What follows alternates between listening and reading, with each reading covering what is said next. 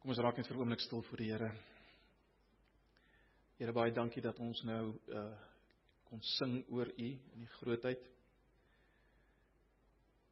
Nou wil ons vra dat U vir ons sal help om dit ook raak te sien in U woord sodat ons U waarlik kan aanbid. Here, ons is so bewus in hierdie oggend as ons ook geluister het na Hannes van die die nood in die wêreld. Ag Here, kom en openbaar Uself aan ons. Openbaar Uself in die wêreld. Gebruik ons as instrumente asseblief. En kom praat nou met ons. Ons vra dit in Jesus se naam. Amen. Ek wil hê ons moet vanoggend en ehm uh, die res van hierdie vakansietyd, miskien vroeg Januarie, die vraag vra, het die wêreld Jesus nodig? Het die wêreld Jesus nodig? Uh ek dink dit is dalk 'n goeie vraag om hierdie tyd van die jaar te vra want ek dink dis 'n tyd van die jaar, uh die Kerstyd waar die wêreld bietjie meer hopelik dink oor Jesus en die naam Jesus bietjie meer gebruik word.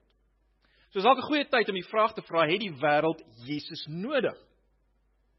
Wel, ek dink ons almal sal saamstem die wêreld het iets nodig. Ons het vanoggend iets gehoor van 'n klein deeltjie van die wêreld waar Hannes werk.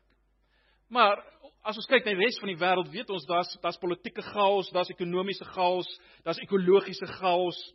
Ehm um, en daar's natuurlik geestelike chaos. het die wêreld Jesus nodig? Die oomblik as ons egter hierdie vraag vra, het die wêreld Jesus nodig? Is daar 'n ander vraag wat ons moet vra? Van watter Jesus praat ons? Watter Jesus het die wêreld nodig? En dis 'n uiters uiters belangrike vraag. Want broers en susters, of ons dit wil weet of nie, dis dit is moontlik om besig te wees. Dis moontlik om te leef vir 'n ander Jesus as die Jesus van die Bybel. Dis baie moontlik. Luister 'n bietjie na Paulus as hy skryf vir die Korintiërs in 2 Korintiërs 11 vers 3.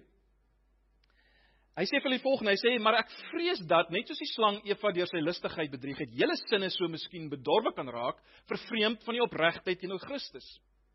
Want as iemand kom en 'n ander Jesus verkondig as wat ons verkondig het, of as jy 'n ander gees ontvang, stop net daar. Jy sien dit is moontlik. Om 'n ander Jesus te verkondig. Dit is moontlik om 'n ander gees te ontvang. Is natuurlik 'n 'n waarskynlik 'n preek op sy eie om te praat oor die ander gees. Vanoggend uh wil ons fokus op die ander Jesus. Maar ons moet dit ons moet net vir 'n oomblik dit bedink. Dis moontlik om besig te wees met 'n ander Jesus. Mens kry soms die indruk dat Christene is so opgewonde as iemand net die naam Jesus gebruik. Dis dis vir hulle goed genoeg. Die vraag is wat is die inhoud van hierdie Jesus? Dit lyk vir my daar is so iets soos 'n verkeerde Jesus. In die tyd waarin ons leef is daar baie weergawe van Jesus. En ek gaan baie vinnig daardeur. Eh, ek het net so 'n paar genoem, julle kan gerus byvoeg.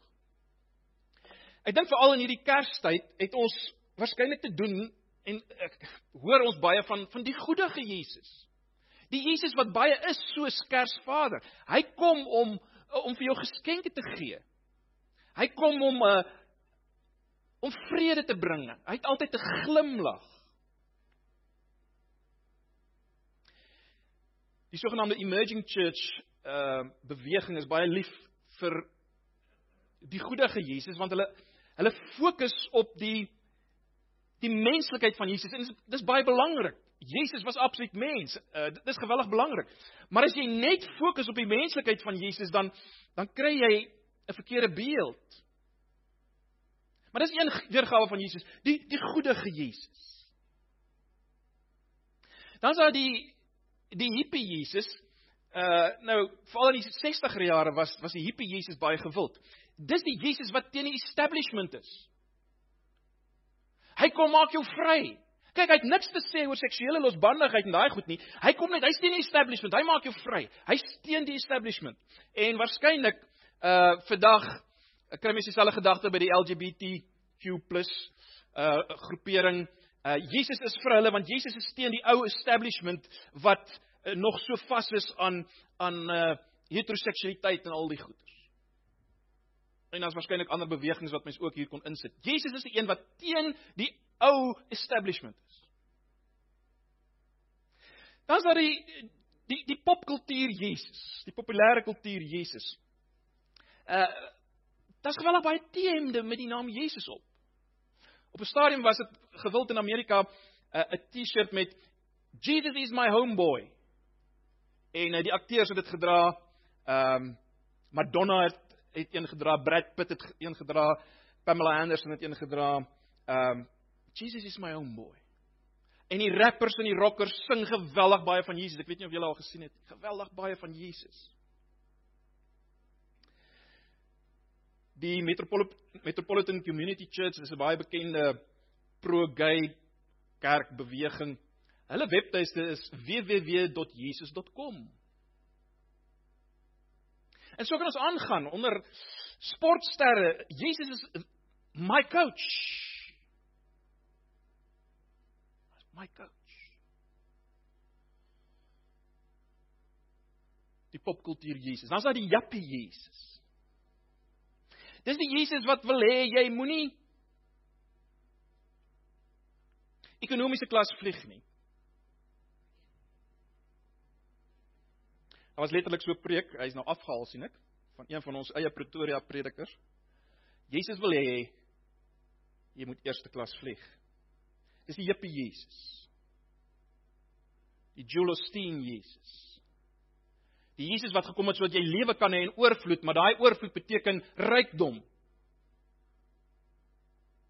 Groot huis, mooi kar, spiere. Die Jippie Jesus. Dan is daar die probleemoplosser Jesus. Hy's veral gewild ehm um, in eksamenkamers en in hospitale Hy moet probleme oplos. Hy is dis waarvoor hy daar is. Hy weet dis dis dis wat vir waarvoor anders is hy daar? Hy's daar om my probleme op te los. Hy moet my help met my toetse. Hy moet my help as ek siek is. Dis die probleemoplosser Jesus. Dan's daar die politieke Jesus. Ehm um, ag. In die swart teologie en die bevrydingsteologie het Jesus 'n geweldige belangrike rol gespeel.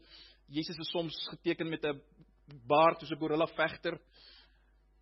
Hand aan hand hiermee gaan die nasionalistiese Jesus. Dis die Jesus wat baie gewild was in ons eie geskiedenis. Op die paradegrond is die beonkoms geopen in die naam van Jesus en na die tyd syp almal hulle self in 'n toestand in die nasionalistiese Jesus. Dan is daar die dogmatiese skeieregter Jesus. Dis die Jesus wat gebind is aan leerstellings. Dis die Jesus wat hare kloof oor korrektheid van leerstellings. Dis die Jesus wat baie meer gereformeerd is as Calvin. Die dogmatiese skeieregter Jesus. Hy's nogal redelik betrokke in gereformeerde kringe. Dan is daar die asketiese Jesus. Die Jesus wat teen alles is. Raak nie, smaak nie, roer nie aan nie. Dis Jesus. Jesus is teen alles. Jesus wil nie regtig hê jy moet gelukkig hy, hy, hy wil hê jy moet sekere goed net nie doen nie. Die asketiese Jesus. En dan is daar natuurlik die die moralistiese Jesus. Jy moet net goeie waardes hê. Mooi lewe leef.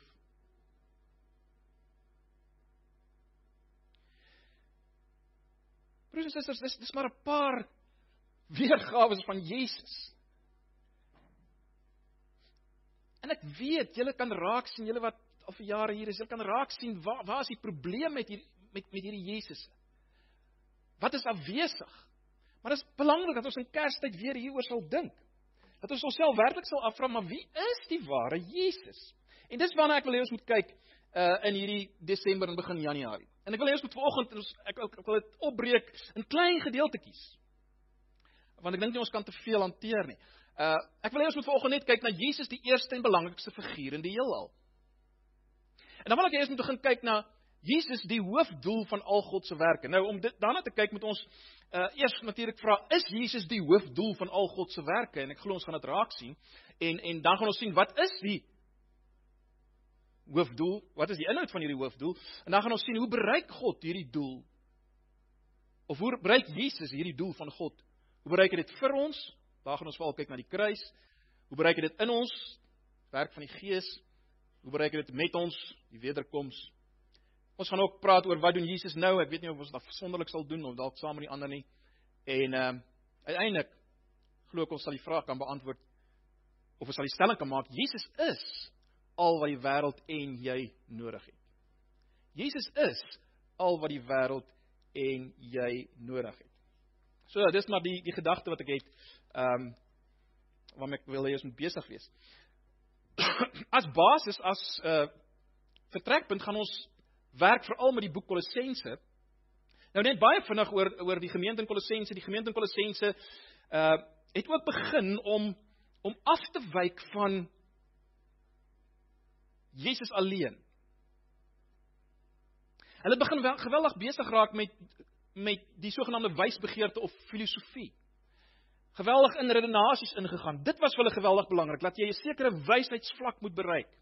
Maar daar was ook 'n uh, 'n soort van 'n asketiese stroom gewees waarna ons amper dit waarna ons nou net verwys het van uh, raak nie smaak nie roer nie aan groepering in die gemeente in Kolosse.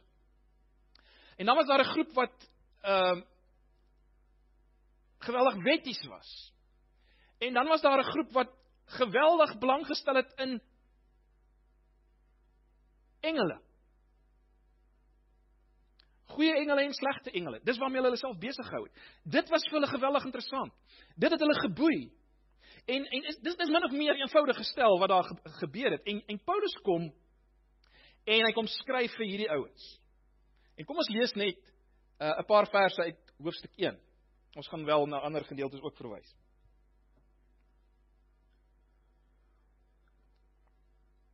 En as hy in hoofstuk 1 skryf, dan sê hy die volgende van Jesus. Hy is die beeld van die onsigbare God, die eerstgeborene van die hele skepping. Want in hom is alle dinge geskape wat in die hemel en op aarde is, wat sienlik en onsienlik is, trone sowel as heerskappye en owerhede en magte. Alle dinge is deur hom en tot hom geskape. En hy is voor alle dinge en in hom hou alle dinge stand. En hy is die hoof van die liggaam, naamlik die gemeente. Hy wat die begin is, die eerstgeborene uit die dode, sodat hy in alles die eerste kan wees. Want dit het die Vader behaag dat in hom die ganse volheid sou woon en dat hy deur hom alles met homself sou versoen nadat hy vrede gemaak het deur die dood van sy kruis. Ek sê deur hom die dinge op die aarde sowel as die dinge in die hemel. Ook julle wat vroeër vervreemd was en vyandig gesind deur die bose werke, het hy nou versoen. Uh ons gaan hierdie gedeelte soort van as 'n soort van 'n 'n platform gebruik om na die verskillende aspekte wat ek genoem het te kyk in hierdie Sondag wat uh, wat voorlê. Volgende dan net kyk ons na die eerste ding. Jesus die eerste en belangrikste figuur in die heelal. Paulus kom wys dat Jesus God self is. Nou ons almal erken dit of die meeste van ons sal dit erken, maar ek wil hê ons moet ons moet weer op net oor hierdie goed dink en dit raak sien. En daar's 'n paar gedeeltes wat ek wil hê ons moet na kyk. Kom ons kyk eers na Kolossense 1 en uh, ek wil hê ons moet nou net as te ware fokus eers op uh die eerste deel van vers 15. Die res gaan ons nou sien hoe dit inpas. Ek sal daar weer daarna verwys, maar kom ons lees maar die twee verse. Hy wat ons ons het dit nou net gelees, kom ons lees dit weer. Hy is die beeld van die onsigbare God. Die eerstgeborene van die hele skepping wat in hom is alle dinge geskape wat in die hemele en op die aarde is, wat sienlik en onsienlik is, trone sowel as heerskappye. Hy is die beeld van die onsigbare God. Nou onmiddellik as as mens hierdie vers lees, dan dink mens aan Genesis 1 vers 27 waar die mens geskaap is na die beeld van God. En onmiddellik is die vraag, is Jesus ook maar net weer 'n baie spesiale mens wat uh wat iets wys van God?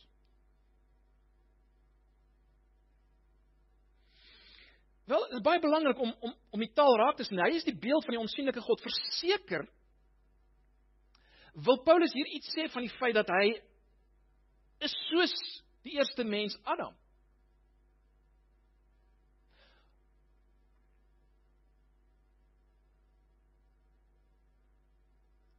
Hy wil alreeds iets sê van wat Adam moes wees. Was Jesus nou, maar daar's iets meer. Daar's iets meer en mens sien dit as jy bietjie aangaan. Jy sien dit in vers 19. Hy's meer as net nog 'n mens wat soos Adam die beeld van God is. Vers 19 sê want dit het die Vader behaag dat in hom die ganse volheid sou woon. Wat 'n geweldige uitspraak. Dit het die Vader behaag dat in hom die ganse volheid sou woon. En kyk na Kolossense 2. Want in hom woon al die volheid van die godheid liggaamlik. Belangrik, want in hom woon al die volheid van die godheid liggaamlik.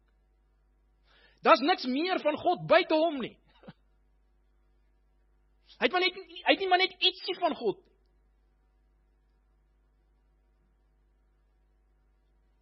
Hy staan nie net vir God nie. Hy's nie maar net soos 'n gewone beeld. Uh, kyk, uh, Paul Creer se beeld. As jy dink aan Paul sê maar Paul Creer se beeld wys vir ons iets van hoe het Paul Creer gelyk. Maar Jesus is meer as dit. Hy staan nie net vir iets nie. Hy staan nie net vir God nie. Hy's God self. Kolossense 2 vers 3 het maar bygesit sê in wie al die skatte van wysheid en kennis verborge is. Nou as al die skatte van wysheid en kennis verborge is in Jesus, dan dan is daar niks meer nie. Daar's niks buite hom nie. Alles is in hom. Al die volheid van God is in hom. Al die wysheid en kennis is in hom. In hom. Hy staan nie net vir een wat dit alles het nie.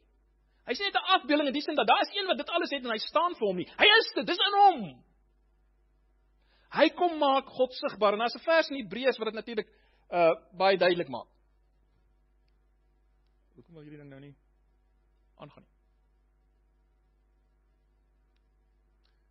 Skus. Ja. Hebreërs 1 vers 3. Ons ken dit.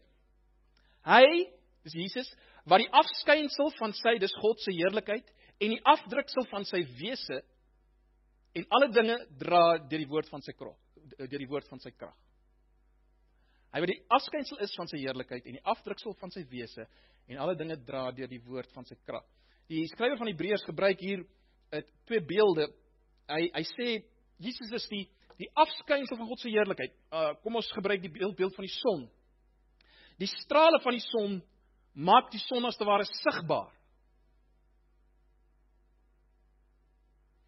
En so maak Jesus God sigbaar. Mens kan in 'n sekere sin sê die die as jy dit nog verder val, die strale is in 'n sekere sin die die seun van die son. So so is Jesus die seun van God. Uh verder is is, is Jesus soos 'n afdruksel. Die afdruksel maak die stempel sigbaar. Of as jy wil die afdruksel is die seun van die van die stempel. Dis maar 'n manier hoe die skrywer van Hebreërs dit duidelik maak. Ek dink Johannes doen dalk die beste. As hy die volgende sê, hy sê in die begin was die woord en die woord was by God en die woord was God. En die woord het vlees of mens geword en onder ons gewoon. En ons het sy heerlikheid aanskou, 'n heerlikheid soos van die enige gebore wat van die Vader kom, vol genade en waarheid. Niemand het ooit God gesien nie. Die enige gebore seun wat in die boesem van die Vader is, die het hom verklaar, letterlik hom uitgelê, hom kom wys.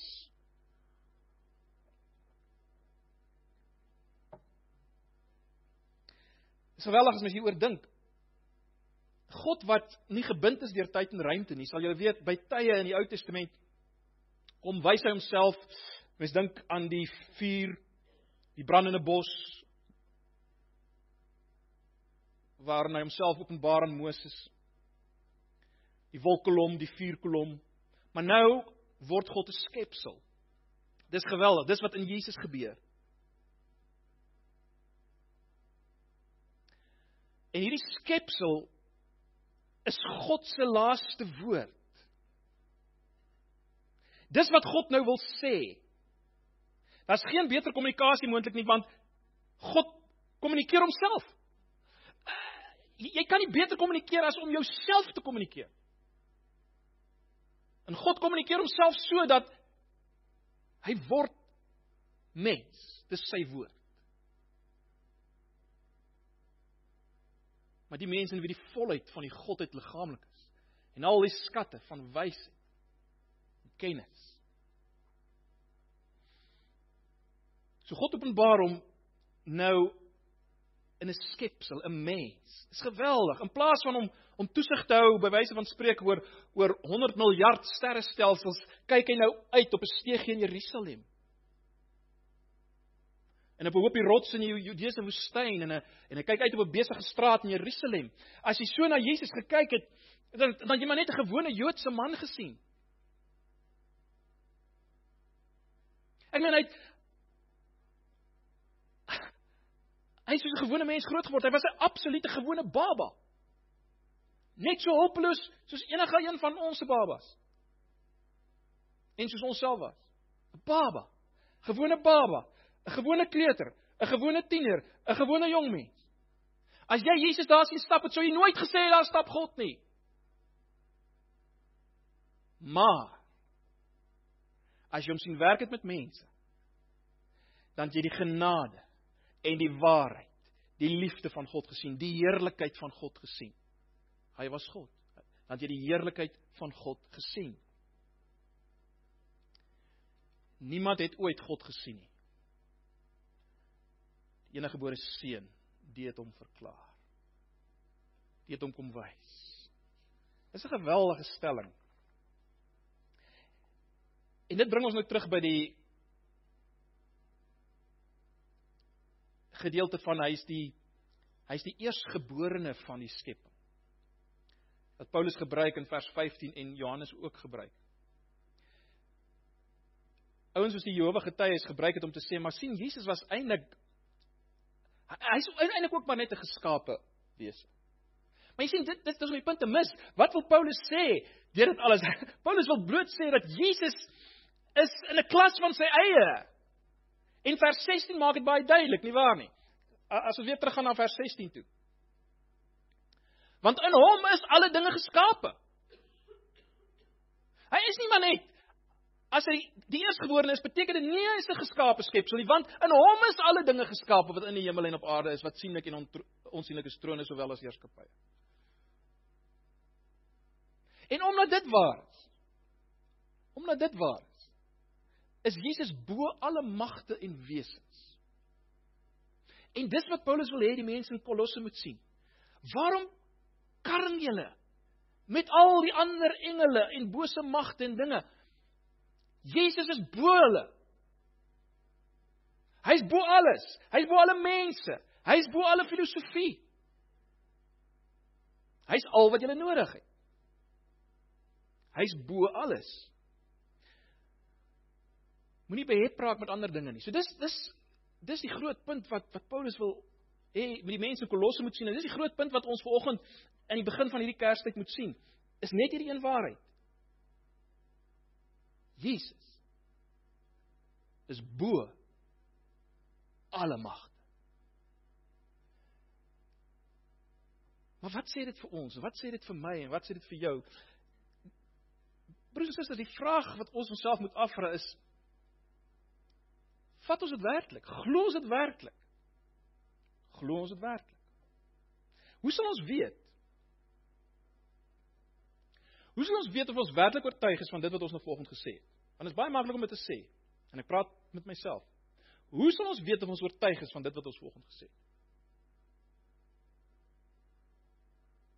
Al 'n eenvoudige vraag is om jouself af te af te vra waarmee is ek behep? Waarmee hou ek myself besig? Kyk, Ons leef in 'n tyd wat die wat die term worship baie gewild is. Uh, ek en Hendrik het ook nou daaroor gepraat. Uh, die term worship is baie gewild onder Christene. Ons net worship. En as uh, van worship gepraat word dan is dit dan sien jy gitare en rook wat trek en mense wat wie ges worship, ons worship. Maar wonder hoeveel mense dink wat beteken worship? Die woord worship kom van die Engelse woord worship. Waardeskap. Dis om die waarde van iets te besef en in die lig daarvan sekere dinge te doen. En dit wat jy doen is jou aanbidding. En die enigste manier hoe jy kan doen is nie met 'n kitaar of 'n drom nie. Die punt is wat die vraag wat ons onsself moet afvra is, aanbid ons hom? Ons sê nou hy's God, besef ons sy waarde en ek bedoel vir myself, ek besef ons sy waarde, aanbid ons sy waarde. Buig ons voor hom, is ons stil voor hom of is dit lekker Jesus? Jy sien, Broers en susters, ons moet ons moet hierdie ding vir onsself uitklaar. Met watter Jesus is ons besig en watter Jesus het die wêreld nodig?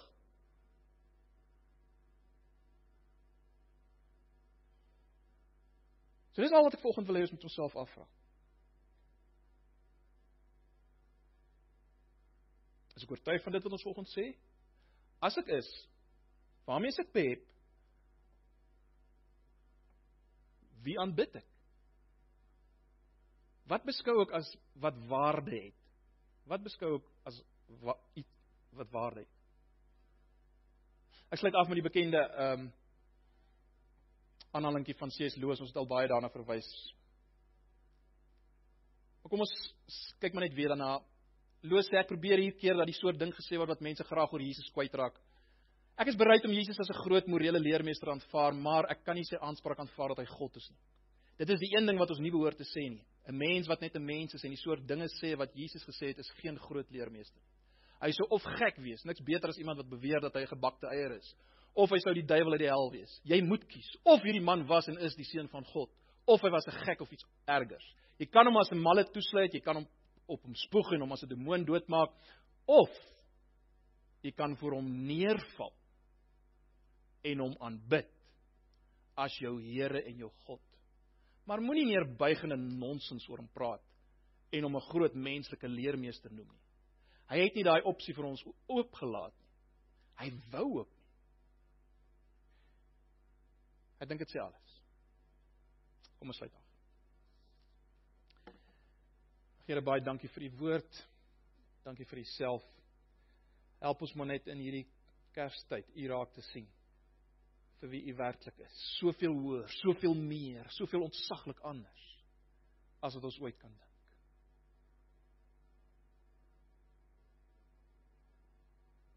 Ja Here, ons moet bely dat ons dikwels oor u self en oor God dink net as 'n mens in oortreffende trap. Wil U vir ons in hierdie tyd kom wys dat U totaal gans anders is. U is maar nie net 'n mens in oortreffende trap nie. U is gans anders, totaal en al. Help ons om dit raak te sien. Ons vra dit in Jesus se naam. Amen. Kom ons sluit af. Mag nou die genade van Jesus, hierdie Jesus en die liefde van God en die gemeenskap van sy Heilige Gees met julle wesen bly. Amen.